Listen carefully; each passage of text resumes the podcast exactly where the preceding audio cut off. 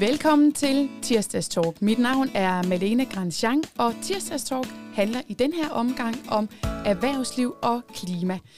Jeg har kaldt det Sjællandske Stemmer, fordi jeg har øh, den samme gæst i studiet. Dig, Jakob Jensen. Velkommen til. Mange tak. Vi laver jo øh, tre omgange Tirsdags Talk øh, Sjællandske Stemmer, der hver gang har øh, sådan to temaer, vi øh, debatterer. Øh, du er ligesom jeg, øh, folketingskandidat. Du er så også folketingsmedlem øh, i Venstre, har været det. det rigtig, rigtig længe. Øh, og vi glæder os til, at valget bliver udskrevet. Imens den her bliver optaget, så er det faktisk ikke udskrevet nu, men måske er det, når, øh, når den bliver offentliggjort. Ja, det kan være. Altså, jeg tror, det er lige op over. Så øh, måske i lyttende stund, så er vi i fuld gang med valgkampen. Det... Øh, reelt, reelt set, jeg tror, vi allerede er i valgkamp nu, ikke? hvis man kigger ud omkring. Så, men, øh, men vi håber, hun snart får taget sig sammen, gode fru Frederiksen. Ja, Øh, og velkommen til øh, jer lyttere. Som sagt, så kommer det til at handle om øh, erhvervsliv og om klima. Podcaststudiet her øh, er jo i øh, Kalamborg, hvor øh, der virkelig er sket noget på erhvervsfronten.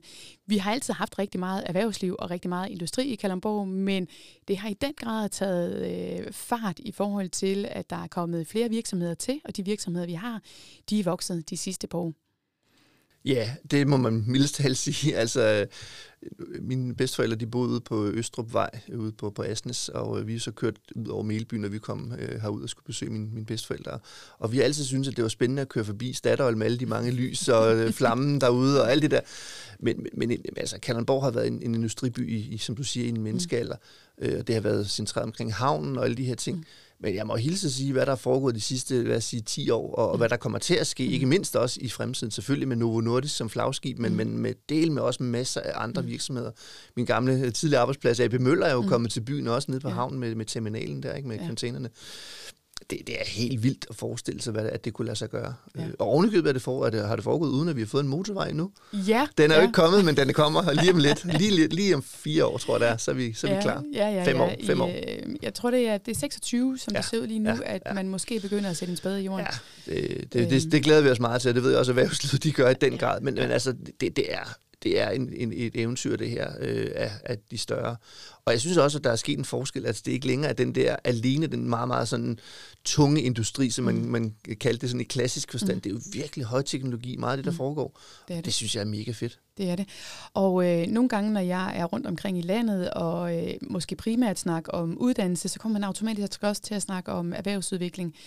Øh, og så nævner jeg altid den industrielle symbiose. Og det er sådan lidt sjovt. Altså det er som om, det, øh, det er verdenskendt jo. Der mm. kommer folk fra hele verden, der øh, undersøger den industrielle symbiose. Der er faktisk universiteter i USA, som øh, er grundlagt med afsæt i den industrielle symbiose i Kalundborg. Og for danskere, der er det sådan det, lidt ukendt. Ja, præcis. Hvad snakker du om, siger de? Ja, det, det er rigtigt, og det oplever jeg også, altså, når, når man sådan selv, altså i, ministeriet eller andre steder, ja. hvor man siger, hvad, har vi ikke lige, kan vi ikke gøre noget ved det, og hvordan, hvordan fungerer det, kan vi ikke bruge det andre steder?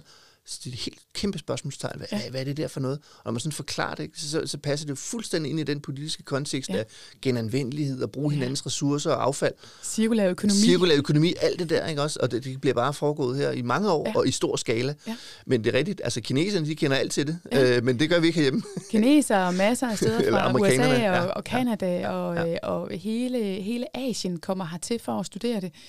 Jeg blev faktisk undervist i det øh, da jeg gik i gymnasium på Kalamborg Gymnasium fra 91 til 94, der var det simpelthen obligatorisk. Mm. Vi alle sammen var igennem den industrielle symbiose, ja. så vi har fuldstændig styr på, hvad det var, og ja. hvordan øh, det ene spildprodukt fra en virksomhed bliver brugt som, som et øh, nytteprodukt i den næste virksomhed. Man kan også sige, altså uden at man skal forklare det, det har også været lidt heldigt, at det har ja. kunne passe sammen. Ja. Men, men nogle gange så har man også lov til at være heldig, og nogle gange har man også lov til at være heldig mm. og dygtig. Ja. Og jeg tror, det er det sidste, man også har været her, fordi man netop har også kunne tiltrække mm. virksomheder, mm. som kunne se en idé i at passe ind i den der øh, cirkel, øh, ja. kan man sige, eller den kreds. Ja. Øhm, så, så på den måde har tingene også hængt sammen. Men der er mm. også det, altså der sker også en teknologisk udvikling, hvor man tænker, Altså, jeg har en nabo herovre, der har noget spildvarme, for eksempel. Ja. Det kunne jeg godt bruge. Til gengæld har jeg noget andet affaldsprodukt, ja. som min næste nabo kunne ja. bruge. Og så pludselig så opstår de her ting. Ja. Øh, og, og det opstår kun fordi, at der er de virksomheder ude omkring. Og, mm. og, og, og, eller, altså, havde der ikke været noget, så havde den heller ikke opstået en industriel symbiose. Det siger sig selv. Nej, præcis. Så, ja. Og noget af det, som, øh, som man kan mærke, det er, den har faktisk sat sig i en bestemt type kultur. Øh, når vi får nye virksomheder hertil, eller der bliver ansat nye folk, både øh, sådan i kommunalt regi, eller i erhvervsråd, eller andre steder, så kommenterer de typisk, at der er en speciel kultur i forhold til, at man ikke ser hinanden som konkurrenter, men man arbejder sammen fuldstændig på tværs af virksomheder og det private og det offentlige, på tværs af uddannelser, øh, og, og, og kommunen er meget øh, involveret i rigtig mange ting. Og jeg plejer at sige, at det er ikke, fordi vi har ryggen mod muren, men måske har det her med, at vi har vant til alle sider en betydning. Vi ved, vi er nødt til at stå sammen. Ja, det, det tror jeg faktisk, det har. Mm. Altså, jeg tror faktisk, den der kultur, der ligger i, at, øh, at man, man, man er sig selv. Altså, man, skal ligesom, man, man kan ikke regne med, at naboen kommer og redder en, og, og, og der er øh, ikke andre end en selv, og der er, øh, om man så må sige, langt til naboen. Men det er der også ikke alligevel, fordi man, man arbejder også sammen, både med Odsad, Holbæk, ja. Slagelse osv., men det er klart nok, den der fornemmelse af, at øh, vi, vi er lidt udfordret. Mm. Øh, hvad gør vi så ved det? Ja. Men, men altså, Novo Nordisk har jo sin berettigelse, men mm. de har del med også sørget for, at der er kommet folk, øh, og området er blomstret på grund af dem. Det, det bliver jeg nødt til at sige. Og der er så mange underleverandører, mm. der arbejder i forbindelse med det, men der er også dermed sket en tiltrækning af alle mulige andre, som ikke har noget med Novo at gøre, mm. men som simpelthen, fordi de passer ind i området. Ja. Og hele den dynamik, den er jo fantastisk, og det er jo ikke helt altså, det er jo ikke helt tilfældigt, at Kalundborg er den største industriby på Sjælland, øh, mm. uden for København. Ikke? Også, så, så ja, det er, det er ret ja. voldsomt, det må man sige. Til jer lyttere, der, øh, jeg har altså ikke faktatjekket det, men det plejer at være direktionen i øh, Novo Nordisk, der siger, at for hver gang de ansætter en inden for murene, så bliver der ansat fire udenfor. Ja, det tror jeg også som, rigtigt. Som servicerer deres anlæg, øh, smede, elektrikere, yes. VVS'er, alt muligt andet. Og så kan vi jo også sige, øh, det, vi griner sådan lidt af det, men, men vi er jo den by måske med flest bilforhandlere og frisører i forhold til antal indbyggere. Men det er jo fordi, der følger rigtig meget med, ja. når der er så mange arbejdspladser. Så følger ja, det der gør der, med. det gør der, og det er jo det, der man kan sige, man, man, man udnytter på, på mm. fin vis, øh, at, at man ikke bare er afhængig af én virksomhed, mm. øh, fordi der netop er blevet bygget en masse andet op, mm. op omkring. Altså jeg tænker, Øh, prøv at tage Nordborg eller Als. Mm. Hvis ikke Danfoss var der, ja, så er Linak godt nok dernede omkring, men, men, men fred med de er meget, meget afhængige af en enkelt. Jeg vil ikke foreslå, at øh, Novo skulle flytte fra Kalundborg. Det vil jeg absolut ikke, fordi det er vi selvfølgelig mm. rigtig glade for de mange tusind arbejdspladser. Men der er del med meget, der er bygget op rundt omkring nu. Mm. Øh, jeg nævnte jeg før havnen, ikke også, som jo selvfølgelig er en naturlig mulighed, man har. Mm. Christian Hansen. Christian Hansen, alle de der, altså, der ligger rundt omkring, altså det, det er vildt. Øh, mm. og, øh, og som sagt, nu glæder jeg mig meget til, at vi snart får hul igennem på, på uh, infrastrukturen, altså, uh, altså så motorvejen den bliver etableret, og det har vi ja. heldigvis fået aftalt ja. Øh, her ja. i det seneste trafikforlig, at det holdt hårdt. Ja. Jeg har været med en del over at arbejde for det der, kan jeg godt sige, men altså, vi har stået sammen, og som du siger, det har man også lært på tværs mm. af partiskæld, på tværs ja. af lokalt, nationalt, mm. alt muligt, så kan det altså godt lykkes. Øh, det kan ja. det nemlig. Og så er der rigtig mange, der foreslår, kunne vi ikke starte i begge ender?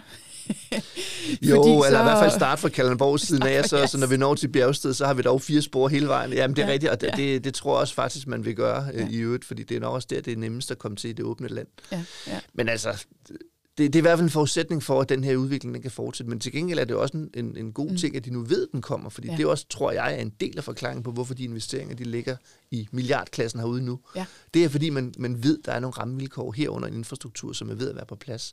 Øh, Præcis, og så kan man sige, øh, hvis den her erhvervsudvikling skal fortsætte, så er vi nødt til at gøre, hvad vi kan for at, øh, at sikre, at der er de medarbejdere, der skal være.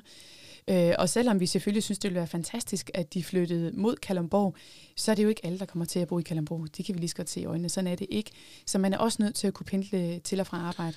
Jamen jeg tror allerede for flere år siden har der været større indpendling til Kalundborg en udpendling. Jeg mm. tror faktisk, det er 4-5 mm. år siden, ja, hvis ikke mere, at det at det vendte. Ja. Så, så den, den, den er der jo allerede, men altså, ja. jeg kan godt forstå, når man sidder i kø ude ved Tømmerup rundkørslen, at man ja. er irriteret over det, eller for sindssygt skyld lokale, der skal på tværs af vejen, at de kan holde i kø i 20-30 minutter ja. for at bare komme ja. over. Ikke? Ja. Ja. Så, så der er noget der. Øh, men, men det er klart, at arbejdskraften, den skal selvfølgelig være til rådighed. Ja. Og så kan man sige, når man kigger på sådan nogle pendlerstrukturer, så kigger man typisk i forhold til kommuner, og der, øh, der kan jeg fortælle, at øh, jeg griner altid lidt af, da jeg selv sad i kommunalbestyrelsen, at når vi satte øh, byggegrunden til salg i Høng Gørlev ned mod Slagelse, de bliver mega hurtigt solgt. Hvorimod det er meget svært at sælge byggegrunden i Kalundborg. Mm. Og det handler jo om, at man som familie kan bosætte sig i, øh, i en lidt øh, velfungerende og stor landsby, men hvor den ene måske kan pendle til Kalundborg, og den anden kan pendle til Slagelse. Mm. Det er relativt let. Så det er faktisk lettere at sælge ned imod øh, Høng Gørlev. Så, så der er en del, der pendler derfra, men mm. de taler ikke med i statistikken, der pendler ud af kommunen, for de nej, bliver i vores kommune. Nej, det er klart. Det er klart. Men, øh, men hvilke, det hvilke, hvilke øvrigt så betyder noget i forhold til det trafikmønster, som vi ser. Ja. Altså, vi, vi havde sådan en møde nede på havnen her for noget tid siden, og der var i hvert fald et enormt efterspørgsel. Nu har man ligesom hakket af på rute Ja. 23, altså motorvejen, der kommer. Nu vil man gerne have rute 22, altså den, der Præcis. kører mellem Kalundborg og Slagelse. Ikke? Og det bliver jo så det næste, vi skal arbejde med, øh, at, at den så også kan blive opgraderet, fordi det er jo klart nok mod, ned mod Storebælt og den vej. Mm. Der er selvfølgelig også et behov for at få, få åbnet mere op, for det, der er del med også tryk på. Jeg kan fortælle, at øh, nogle af de meget stærke kræfter bag den motorvej øh, har i aften inviteret til øh, konference Ja. i, øh, i Slagelse. Jeg skal, jeg skal indlede faktisk med okay. at holde et oplæg øh, til konferencen. Ikke som politiker, men som visdirektør i forhold til at øh, tale om, hvilken betydning at infrastrukturen rent faktisk har for, at vi kan uddanne nok Ja. til erhvervslivet. Ja. Fordi det, uddannelse erhvervsliv og øh, infrastruktur hænger fuldstændig sammen. Ja, jeg er også blevet inviteret med til det der. Jeg kan desværre ikke, jeg har noget andet, skal. og jeg har også gå- gået sådan og joket lidt med at sige, hvor- eller joke, det må du smart sagt, de har spurgt mange gange, de har haft den her tværforbindelsesorganisation, hvor jeg har sagt, det vil jeg helst ikke være med i, før vi er sikre på, at 23'erne er Ja. på plads. Og nu kan jeg ikke bruge den undskyldning mere. Nu er den ligesom landet, Ja, ja, i hvert ja. fald den er aftalt. Nu skal Ja. vi lige have den fysisk uh, gennemført. Så nu bliver øh, blikket selvfølgelig nok rettet mod Mm. mm. 22'eren. Det, Ja. ja. det, det er klart, det giver noget, det giver god mening i hvert fald, Ja. også sådan øh, Vestjyllands øh, og Sjælland i øvrigt, Mm. at få hul igennem øh, på tværs, mm. fordi vi er jo altid orienteret indad mod hovedstaden, Ja. knap så meget ned mod øh, den anden side. Ikke? Så, ja. så det skal vi have gjort bedre. Det skal vi, og, og hvis man kigger på, øh, på sådan Midtjylland, øh, så, øh, så er der ikke så meget industri og så mange arbejdspladser i forhold til mængden af borgere, der bor der. Så de er simpelthen nødt til at kunne, øh, kunne komme hen til, til arbejdet. Og det er jo ikke fordi, de skal flytte fra Sorø eller Næstved. Øh, de kan bare blive boende, men, men de skal kunne komme frem og tilbage. Ja, det, det Ja. skal de, og, Ja. og derfor er der, altså man, man har jo den der gammeldags fingerplan, som man Mm. kaldte det inden for hovedstaden, og så havde man nogle strenge ud Mm. i på Sjælland, men der er ikke rigtig noget, der binder det sammen. Nej, Øh, nej. og det gælder både, hvad tog Ja, angår, ja. det gælder også, hvad vejen angår. Så det er klart, det er selvfølgelig det næste, øh, når Ja. vi nu har fået landet, Ja. øh, øh, ikke mindst Kalundborg Motorvejen. Ja, ja. Når vi nu snakker øh, erhverv, altså, så kunne jeg også godt tænke mig, at vi måske kom ind på det her med, øh, hvordan stimulerer vi til iværksætteri? Hvordan får vi flere øh, til at ture og springe ud som, øh, som selvstændige? Nogle af dem, som måske har... Øh, enten har svært ved at finde arbejde, eller måske ikke øh, kan se sig selv på, øh, på de arbejdspladser, der passer til deres uddannelse. De kan måske godt se sig selv som, som selvstændige eller som, som iværksættere. Øh, og der synes, jeg, øh, der synes jeg godt, vi kunne gøre noget for at gøre det lettere. Øh, Ja, altså øh, man kan sige, at vi er jo faktisk et iværksætterland i forvejen. Forstået på den måde, vi, vi, der bliver startet rigtig, rigtig mange virksomheder op, og det er relativt let sådan administrativt i forhold til så meget andet. Mm. Udfordringen er bare, at efter få år, så er der rigtig mange af de nystartede virksomheder, de er lukket igen mm. af alle mulige grunde, og det er måske også, når man først etablerer sig, man skal ansætte den første mm. eller anden, anden medarbejder, mm. at det bliver bøvlet. Så, så, så der er, jeg tror, måske det er mere det er ikke så meget fødekæden ind i at blive iværksætter. Det tror jeg sådan set, at vi er nogenlunde fattige. Det kan vi sikkert også gøre med uddannelsessystemerne, og de unge de får smag for at være selvstændige. Det tror jeg rigtigt, så vi ikke bare bliver en lønmodtagerkultur. Mm. Men det er mere det der, når de først er startet og har taget skridtet, at man så holder ved, og man også får etableret sig, og man også kan blive stor. Ja. Fordi det, det tror jeg, det er der, at vi kan i hvert fald se, at det er det, der er udfordringen med vores, øh, mange af vores nystartede virksomheder. altså, det er der en udfordring. Og så er der faktisk også en udfordring, især i, i forhold til de sådan lidt yngre iværksættere. Øh, Venstre har også været ude at foreslå, at, at man kunne måske have nogle øh, sådan iværksætterhuse mm. øh, for særligt de unge iværksættere, hvor de kan have en eller anden form for fællesskab, og øh, hvor de kan spare med andre nystartede, øh, og hvor der kan være tilkoblet en eller anden form for, kan man sige, støtte, mentorordning, noget supervision. Øhm, og det, det er jeg helt sikker på, det mangler vi. Når jeg snakker med en del af dem, der sådan er fra midt-20'erne til midt-30'erne, så synes de faktisk, at det er lidt bøvlet at starte op som selvstændig. Så de, de mangler nogle gange øh, en lille smule hjælp til noget af byråkratiet, og så mangler de faktisk noget sparring. Mm. Fordi før man har fået ansat de første fem medarbejdere, så kan det faktisk være ret ensomt. Øh, så det her med at kan indgå i nogle, øh, nogle fællesskaber, og øh, det er jo ikke noget, der vil koste specielt meget. Rigtig mange, øh, som er, har veletablerede virksomheder, de vil elske at få lov til at være en eller anden form for mentor for, for nogle unge nye øh, iværksættere. Ja. Så det handler i virkeligheden om at sætte nogle faciliteter eller nogle rammer til rådighed. Så tror jeg egentlig nok, de skal udfylde sig selv. Ja, det tror jeg. Øh, Og det, og det, det er jo meget godt, du siger, fordi altså, mit indtryk er i hvert fald, at det er relativt enkelt at starte op, men at du så lige når du kommer i gang, som du også siger, når du skal mm. have den første medarbejder, mm. eller du skal ligesom ud over rampen, øh, at at det, at det så virkelig bliver bøvlet. Du skal have Mm. tilladelse til både det ene og det andet, og hvem går man til, osv. Så, så det tror jeg, der kan vi sagtens gøre mere. Der er allerede nogle forskellige Mm. muligheder igennem væksthus og sådan noget, hvor man kan få også de forskellige lokale erhvervsråd. De har også nogle, nogle, nogle hjælpeordninger og sådan noget, og, og netværk ikke mindst. Så, så det er helt Mm. rigtigt. Man er meget alene, når man sidder Ja. der, ikke? Øhm, men jeg tror også egentlig, det starter også tidligere, altså hvor Mm. vi ikke uddanner vores unge bare til at skal ud og sige, når du skal have et job. Mm. Øh, hvad med at sige, når du skal ud og skabe et job? Ja. Altså det kunne også være en mulighed for ja. mange. Øh, måske specielt folk, som... at Der er jo mange unge, som i dag ikke lige sådan tænker, jeg kan lige Mm. passe ind på en arbejdsplads. Ja. Man kan måske skabe sin egen arbejdsplads i stedet for. Mm. Præcis. Jeg har jo øh, selv været med til at starte øh, adskillige firmaer op, øh, og der kan jeg se, at der er meget stor forskel på type af virksomhed i forhold til, hvor besværligt er det. Mm. Altså, jeg har sådan et øh, ledelseskonsulentfirma. Det er meget nemt. Der ja. Ja. er ikke ret mange krav. Altså, det er næsten et hak, og så er det klaret. Så, så er man kørende. Øh, lige nu har mit mand et øh, sådan et fitness- og kostvejlederfirma, Grandjean Care. Det var også nemt. Men øh, det at have sådan en øh, virksomhed, der opkøber ejendom og lejer ud, det er en lille smule sværere. Og der er en VVS-firma, hvor også jeg var med ind over. Det er komplekst. Mm. Så snart der er nogle forskellige former for autorisation, så, øh, så bliver det langt mere komplekst. Og så prøv, hvis du skal sælge fødevarer eller noget andet. Præcis. Uha, uha. Ja, men her der er faktisk lige så mange regler som med Ja, nå, fødevarer. okay, ja, det, der, er- det, er lige så, det er lige så hysterisk Ja, i forhold til, ja. hvad må man, hvad må man ikke, og øh, hvilke typer af, af sikkerhedskontroller skal der være, Mm. og sådan noget. Også selvom, man er selv, også selvom man kun er sig selv, så er det faktisk relativt øh, komplekst. Øhm, og der kunne man der kunne man godt sørge for, man, det er ikke fordi, jeg siger, at man prøver at fjerne nogle af reglerne, men hvis der er et sted, hvor man kan hente hjælp, så tror jeg faktisk, at man kunne få flere øh, elektrikere, VVS'er, smide, måske til at starte op selvstændigt. Mm. Ja, også, også at holde fast, fordi, Og holde fast, fordi ja. når de først er startet op, og de så Mm. løber panden mod muren og siger, åh, jeg magter Ja. ikke. Altså Ja. ja. lidt det, når vi snakker om alle mulige Ja. ja. andre øh, faggrupper, så vil Ja. man bare gerne arbejde med det, man er glad for at Ja, arbejde lige med, præcis. og ikke sidde med alle mulige andre skemaer udfylde dem, eller indberetning, eller hvad pokker det nu kan være. Så det, det, tror der, det tror der er noget i. Øhm, men jeg tror, jeg tror virkelig, den der motivation om, mm. altså, og vi også Øh, og det synes jeg egentlig, der er, at man kan Mm. skrine meget af fjernsynet, men nogle af de her løvens hule, og hvad de hedder, de her Det er programmer, fantastisk. Ja, jeg synes faktisk, at det giver Mm. mm. i hvert fald mange unge det der indtryk af, at det rent faktisk godt kan lade sig gøre. Ja. Både dem, som er lykkedes, altså dem, der er, er de løverne, det må de jo så være, øh, og dem, der kommer ind i hulen, altså Ja. de også har nogle gode idéer, ikke også? Og de også bliver guidet videre. Så sådan noget, det er jo med til, øh, og også tror jeg, inspirerer mange unge og sige, oh, der er faktisk noget her, jeg, Ja. jeg kan faktisk godt... Det er faktisk øh, en mulighed. det er faktisk en mulighed som Ja. alternativ til at gå ud og søge et job. Ja. Altså øh, lige præcis løvens hule, kan jeg fortælle, det bruger vi øh, fuldstændig fast som undervisningsmateriale på HHX. Mm. Øh, både i afsætning og i virksomhedsøkonomi, øh, fordi der er rigtig meget god øh, læring i det. Øhm, og der kan vi se, altså, øh, jeg har med alle typer af ungdomsuddannelser at gøre, så både alle de gymnasiale uddannelser og alle øh, øh, former for, for erhvervsuddannelse. Øh, og særligt på HHX, der er der simpelthen sådan en entreprenant ånd, mm. Og det er jo fedt, men de har også nogle kernefag, som ligesom skubber i den retning. Øh, så der har vi allerede, kan man sige, værksætteri på skoleskemaet i overført betydning. Men, men der, hvor vi godt kunne gøre noget mere, det er faktisk inden for erhvervsuddannelserne. Øh, fordi særligt inden for de tekniske, hvor en del af dem måske har en drøm om faktisk at starte deres egen tømmerfirma, deres egen malerfirma. Det at få sat øh, nogle flere elementer i spil der, som man både havde mod, men måske også øh, nogle kompetencer med i bagagen. Det ville være en god idé. Det, det vil være en rigtig god idé, fordi Mm. altså, apropos nu snakker vi Kalundborg før, der er Mm. del med brug for håndværkerne. Mm. Altså, det er jo Mm. nærmest ikke til at opdrive en ærlig VVS-mand længere, eller, eller, eller en elektrik, eller hvad det er, fordi de har del med travlt med alt Ja, muligt andet. ja.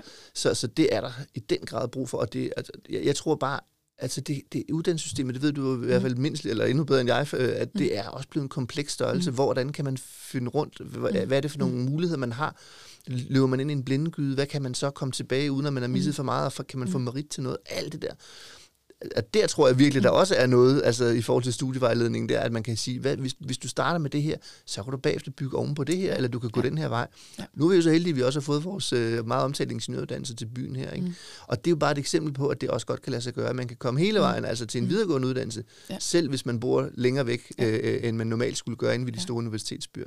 Så det er jo også en måde at, kan man sige, i talsætte det her Mm. håndværksmæssige, øh, erhvervsfaglige Mm. på en måde, så man faktisk også kan komme øh, og få en, en videregående uddannelse, Ja. øh, hvis man vil det. Vi arbejder meget med et begreb, vi kalder stærke uddannelseskæder. Og, øh, og det er det her med at øh, synliggøre over for de unge mennesker, at, øh, at kæden slutter ikke, når man er færdig med uddannelsen. Den første uddannelse, man har taget, så kan man bygge på, og ja. man kan bygge videre, og man kan specialisere sig i forskellige retninger. Fordi øh, det, der er i dag, det er præcis som du siger, der er simpelthen så mange valgmuligheder. Og nogle gange, så kan det stimulere til sådan en frygt for at vælge. Ja. Og ja, for man kan også risikere at vælge forkert. Præcis, ja. så bliver man enormt bange for at vælge forkert. Ja. Og i stedet for, at man skaber sådan en angst hos de unge mennesker, der bliver så bange for at vælge forkert, så det at vise dem, jamen, spring nu bare ud i det at vælge, og så, så er der rigtig mange nye veje, der åbner sig, når du så har truffet det første valg. Så det er ikke ja. fordi, der er mange, der lukker. Nej, det er der nemlig ikke, men jeg tror bare, der, jeg hører i hvert fald fra mange unge, som siger, jeg ved ikke helt, hvad skal jeg, og hvad kan mm. jeg, og hvis nu jeg vælger det, har jeg så mm. afskåret mig for noget ja, præcis, andet, og puh, har de er nervøse for, mm. at de i hvert fald træder forkert, ikke? Ja. Øh, og, hvor det faktisk er modsatrettet. Altså, ja. der er så mange muligheder i dag, ja. end, end, da, da vi gik i skole. Ikke? Der var ligesom to-tre muligheder der, og så kunne du vælge et par steder her, og alt efter det gennemsnit var, så var ja. det ligesom det, der var muligt. Ikke? Ja. Sådan er det jo ikke længere. Nej, nej, og, og det kan nej. både være ondt og godt, ja, det kan det. men det kan heldigvis mest være godt, ja. øh, fordi man netop ikke lukker af. Og jeg synes meget om, altså, jeg synes virkelig det her med, at vi også har de muligheder for vores unge, mm længere væk, ja. end hvis man normalt skulle transportere sig ind til, til hovedstaden, eller hvor den skulle være henne. Mm de muligheder, de er altså, altså med, nu nævner jeg bare ingeniøruddannelsen, ja, ja, ja, det kan også ja. være mange af de andre ja, uddannelsesmuligheder. Men, men det, det Hold op, hvor er det vigtigt. Ja, det er det, det altså, apropos erhvervsliv. Ja. De har brug for den arbejdskraft. De har brug for den arbejdskraft, fordi det er jo sådan, så vi er som mennesker mest mobile, når vi sådan er fra først i 20'erne til først i 30'erne. Så er vi ikke ret mobile derefter. Nej. Og det er jo der, hvor man tager uddannelse. Og selvfølgelig er det klart, at man ikke er ret mobil derefter, fordi så har man måske øh, stiftet familie, og så har man fået en omgangskreds, så man har fået et hverdagsliv i det område, hvor man bor, og det kan være svært at flytte sig. Men, men, men det er rigtigt, altså man er mest mobil den tid, men, men, men hvis vi igen kigger på vores øh, mm. dejlige mm. område, der har vi bare også en, en generation af mm. unge, som ikke er lige så mobil, som de er mange andre steder. Altså, der er virkelig udfordringer, hvis uddannelsessted det ligger, mm. ja, jeg vil lige sige, mere end en kvarter væk fra, hvor man bor, det er mm. måske så meget sagt, men så i hvert fald en time væk, så er der nogen, der er svært ved at komme af sted, og hvis man så endelig kommer afsted, så er det godt nok, at man er helt baller, mm. når man så mm. kommer hjem igen og har ikke overskud mm. til noget som helst. Så så det, det er også derfor, jeg tænker det her med udflytning, mm. Mm. og også i øvrigt øh, kollektiv trafik, øh, mm. busforbindelser og sådan noget mellem mm. uddannelsesinstitutionerne, det synes jeg altså er en idé, som man skal arbejde meget med videre med, end, end ja. det, der måske nu er lige kommet i gang i forløbet. Ja. Jakob, vi skal også snakke om klima.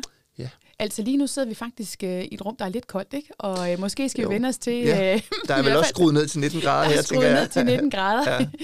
ja. øh, og øh, man kan sige, det giver sådan lidt fornyet energi til debatten, at øh, vores situation er, som den er lige nu, men, men klima har hele tiden været, øh, været et vigtigt element.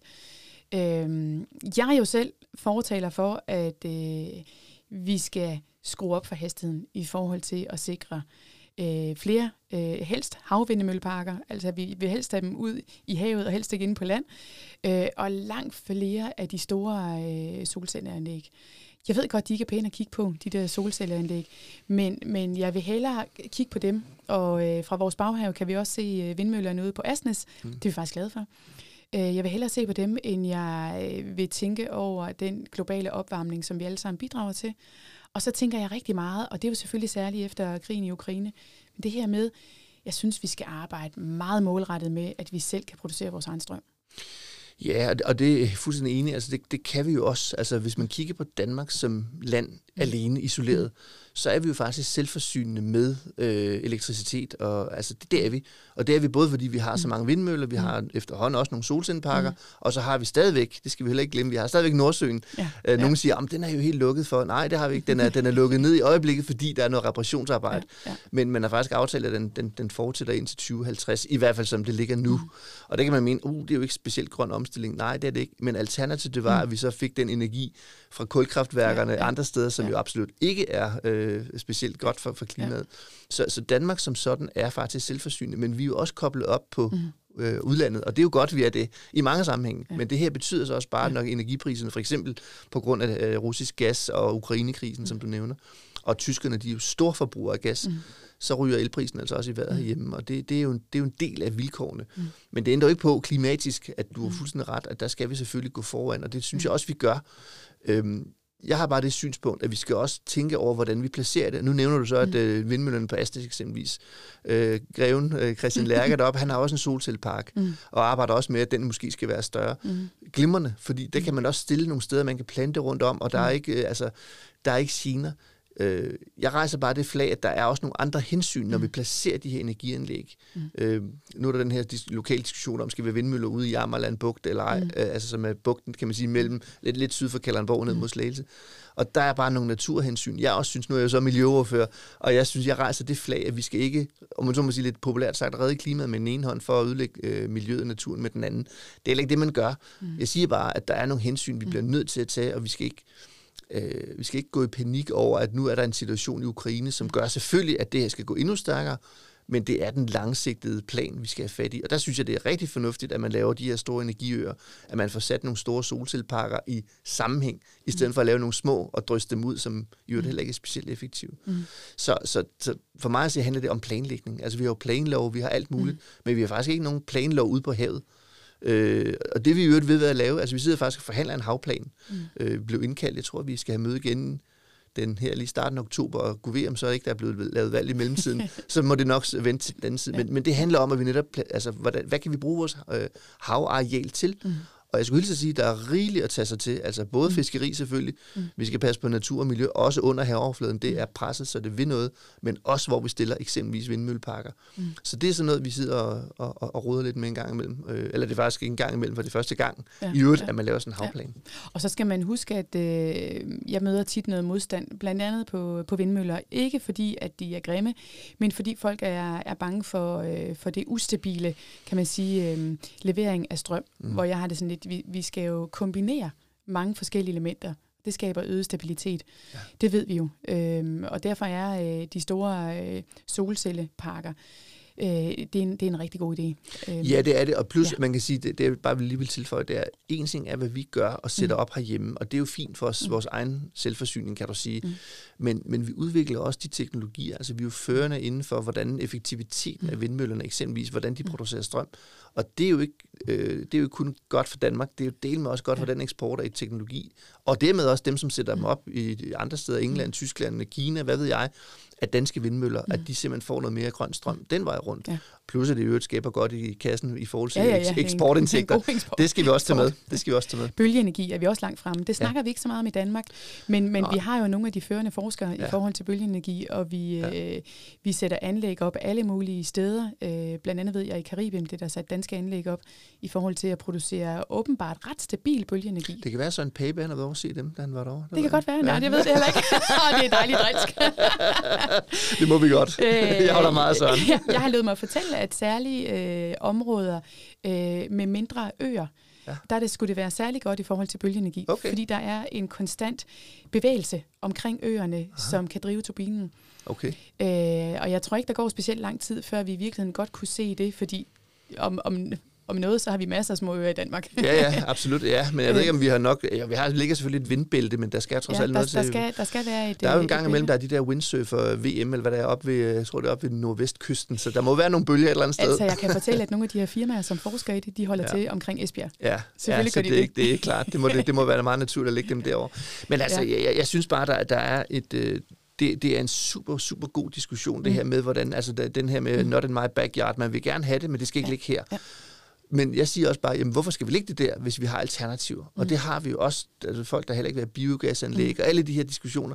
Og det forstår jeg godt. Mm. Jeg forstår det virkelig godt, at mm. folk siger, hvorfor skal I kigge på de der vindmøller? Der kan være lavfrekvent øh, mm. strøm, eller hvad hedder det, ly, øh, øh, lyd, der kommer mm. derfra. Der kan være alle mulige sundhedsrisici, som man ikke måske ved nok mm. om. Og så videre, og så videre. Mm. Og så er det bare igen, jeg siger, der er også lige noget natur, noget vi lige skal passe på mm. også. Og derfor er det så vigtigt, at vi får planlagt det, så vi får folk med mm. i den grønne omstilling, og ikke imod. Øh, og jeg oplever faktisk, at folk de rigtig, rigtig gerne vil det her. Men man vil også gerne have det planlagt øh, rimelig klogt. Og så tror jeg, vi skal have så mange med som muligt, men vi kommer aldrig til at øh, opleve tilslutning for de borgere, som kommer til, også selvom de kommer til at være placeret et rigtig fint sted ude i havet. Mm. Hvis de kommer til at kan se dem, så kommer de til at være imod til at starte med. Jeg ja. plejer at sige, at øh, det er lige så øh, lidt fyldt med glæde at sætte vindmøller og alt muligt andet op, som det er at lave cykelstier. Mm. Sådan i, øh, i kommunalpolitik der når man skal vedtage en cykelsti, så er alle meget begejstrede. Jeg har været med til at vedtage cirka en om året, og det er mm. fantastisk, mm. og alle er vilde med det. Når vi så begynder at skal tegne en streg, så er alle, der bor omkring cykelstien, sure. Mm. Altså, måske lidt firkantet sagt. Når cykelstien er lavet, så er alle glade igen. Men undervejs, der er der, der er der virkelig meget surhed, fordi Jeg vil ikke have den i min have, eller hvorfor skal, hvorfor skal der være fyldt med cykler lige foran mit hus? Og når den er lavet, finder alle ud af, ved du hvad, det er faktisk en meget Ja. god idé. Ja. Jamen, det er klart, og, og, og det, men det kan jeg for sagtens forstå, og nu har vi talt om motorvejen før, ikke også, og der er jo andre steder, vi snakker om, at, hvordan, hvordan skal tingene ligge. Ja. Øh, og, det, og det er jo derfor, vi selvfølgelig ikke er et kinesisk samfund, hvor man Ja. bare beslutter det, og så bliver det sådan, at der også er borgerhøringer, der er inddragelse. Ja. Og så synes jeg, en væsentlig del, nu nævner det netop øh, lokalt, altså, jeg synes, det er vigtigt, at man så giver en vetoret øh, til kommunalbestyrelse, byråd. Mm. De må repræsentere lokalområdet øh, på godt og ondt. Altså, de er blevet valgt, de er folkevalgte, så må de også leve med positive såvel som negative konsekvenser, når det er noget, der påvirker lokalt. Det er klart, at der er nogle ting, vi bliver nødt til at træffe. Hvis nu øh, en kommune siger nej til motorvejen, og nabokommunen siger ja til motorvejen, så kan vi ikke rigtig lave en halv motorvej. Så selvfølgelig skal der være nogle ting, vi trækker af på loka- øh, nationalt. Selvfølgelig. Men jeg synes bare, der må være i hvert fald som ikke en, større indsigelsesmulighed, mm. end der har været tidligere, når man laver den slags ting. Fordi jeg tror også, øh, Martin Dam, han har sagt, altså borgmesteren her fra, fra byen, han siger, jamen vi kan sagtens lave alle det strøm, vi vil, og vi er jo den kommune på Sjælland, der laver mest øh, grøn strøm, mm. men vi vil bare gerne selv bestemme, hvordan mm. det skal gøres, og hvor Ja. det skal ligge hen. Og, ja. det, og det synes jeg egentlig er en meget god pointe. Det er det også. Og generelt kan man sige, så, så er vi begge to jo tilhængere af, at der kommer en større øh, beslutningskraft, både i kommuner og i regionen, fordi kommunerne er meget forskellige. Ja. Altså, så, så der vil være forskellige øh, forhold, der gør sig gældende fra kommune til kommune. Ja, og det, og det kender man ikke altid til inde i styrelserne. Nej. Undskyld, det gør de ikke. altså, de har selvfølgelig nogle, nogle skemaer og noget, de siger, okay, her skal vi, der skal, Mm. mm. vi skal op på et eller andet niveau, og det skal bare øh, Mm. etableres, og det skal helst være i går og ikke i morgen. Mm. Og det er jo også fair nok, det er deres opgave. Men jeg synes også, de folkevalgte lokalt, Mm. mm. det er jo deres opgave så at repræsentere netop lokalområdet og Mm. sige, hov, vi vil godt gøre noget, men vi vil gøre det på vores måde. Og det er okay at få en bindende opgave. Ja, altså, det nu, synes skal, jeg da. nu skal der produceres præcis så og så meget grøn strøm. Absolut. Det er helt okay. Absolut. Men, men så derfra og så til, hvor skal det så være placeret? Nemlig. Nu sagde du selv biogasanlæg før. Det er heller ikke særlig tit forbundet med meget glæde. Det vil jeg sådan at sige. og man kan sige, øh, mens jeg sad i kommunalbestyrelsen, der, øh, der havde vi faktisk en ansøgning om et biogasanlæg. Vi var alle sammen enige om, at vi synes, at biogasanlæg er en god idé. Men placeringen var ikke den rigtige, så mm. vi kom med en alternativ placering. Den blev så skudt ned, fordi dem, der ønskede at bygge den, det var jo private. Mm. Øh, de ville ikke have den placeret der. Men det var de der lokale hensyn i forhold til eksempelvis tung trafik. Skaber vi nu tung trafik i en lille bitte landsby, hvor der ikke er tung trafik lige nu? Eller kan vi placere den i et industriområde, hvor der i forvejen er tung trafik? Øh, der er rigtig mange hensyn, man skal tage. Jamen, og, og- det er jo det, de hensyn og de vægte, eller Mm. balancer, man vil, øh, lokalkendskab, Mm. det er jo derfor, vi har et lokalt folkevalgt Mm. niveau i kommunalbestyrelsesbyrådet. Og det skal vi jo bruge, øh, synes jeg, i langt højere grad, og give Ja. dem den, den, kom- den beslutningskompetence. Ikke?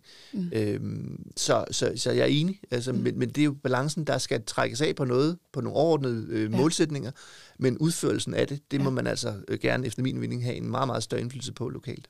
Ja, og det blev sådan set det sidste, Jakob. Ja, Tusind tak for snakken Tak om selv. både erhverv og klima og alt muligt andet. og alt muligt andet derimellem. Ja. ja. Mellem himmel og jord. Præcis.